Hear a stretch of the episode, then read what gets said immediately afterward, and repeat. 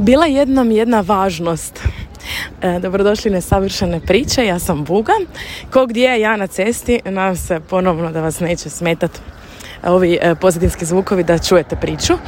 Što sam podijelila u prošloj epizodi, e, išla sam gledati malu sirenu i to mi je bilo jako važno zato što jedan od mojih najboljih prijateljica e, ima dijete i jedna i druga naravno su mi jako, jako važne i i taj dogovor smo dogovorili jer s obzirom na moj raspored, a njihov vrlo rijetko se zapravo uspijemo vidjeti, a ja sam se nekako obećala i da ću biti, ne samo da ću se vidjeti sa svojom najboljom prijateljicom, nego i da ću biti prisutna um, u životu i njene kćeri jer mi je to biće vrlo, vrlo važno u životu i dogovorile smo se idemo zajedno gledati malu sirenu i to smo se dogovorila naprijed jako smo se veselile i super. I sad jutro, na dan kad smo se dogovorili, išli smo naravno na popodnevnu projekciju, e, ja sam imala, ajmo reći, jedan sastanak i nešto mi se sve ispomicalo u danu, po svemu sam nešto kasnila i sad taj zadnji sastanak koji je trebao trajati sat vremena, sam morala skratiti. E sad, i sad dolazimo do onog, do poante današnje priče. Ja sam zapravo, meni je taj odlazak u kino bio jako važan ne zbog filma, nego kao što sam već rekla zbog tog s kim sam išla i mog obećanja kojeg sam dala eh, i tako dalje. Ali mi je bilo bed reč koju rekla sam da moram skratiti, da imam dalje obaveze. I shvatila sam u tom trenutku da zapravo imam nekakvu hjerarhiju što je dovoljno validno da kažemo zbog čega možemo nešto skratiti, a što nije. Jer da sam, ono, da kažem, ok, imam predstavu, moram ići, to mi je kao ok. Ali reći idem u kino, bez obzira koliko je to meni kino važno zbog nekih drugih razloga, ne zbog filma, čak i da je samo zbog filma mi je kao, ono, sad kao ovo sad skraćujem da bi ja išla u kino.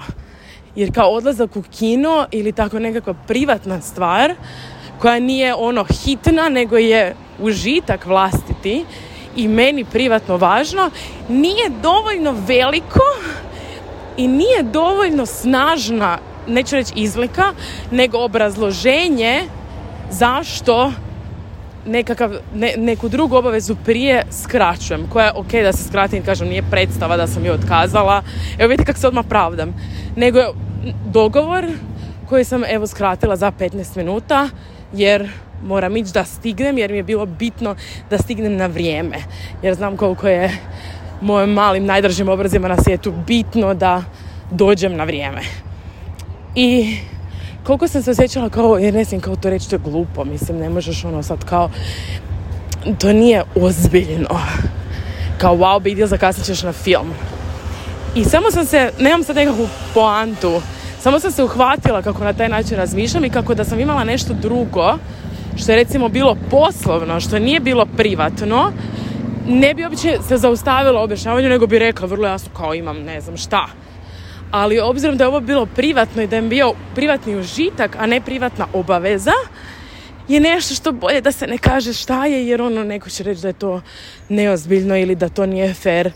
Um, ili se osjećat manje vrijednim ili šta god.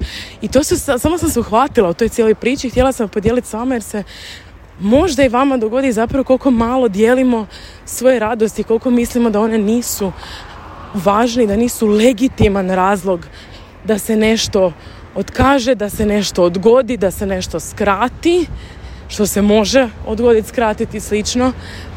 Sve se može, ali koliko, koliko puta se ono, imali osjećaj se ne, mo, ne želim danas nigdje ići, umorna sam, ali niste otkazali zato što to nije legitiman razlog da ne odeš na nešto ili whatever, jer to kao niko ne bi razumio, jer to nije okej. Okay sad opet naravno, to su sve tako granice, ono možemo raspravljati kad je to ok, kad nije, ali znate na šta mislim.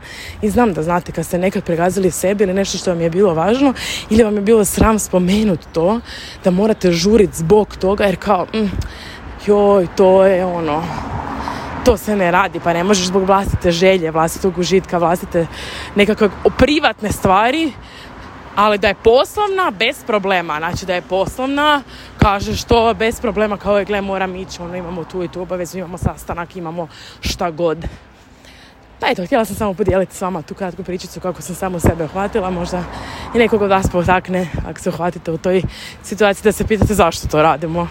Meni je to samo zanimljivo, ne, ne osuđujem niti samo sebe ni ništa, ali mi je samo zanimljivo za što imamo obrazloženja zašto nemam i zašto nam je ok imati obrazloženja, a zašto nije.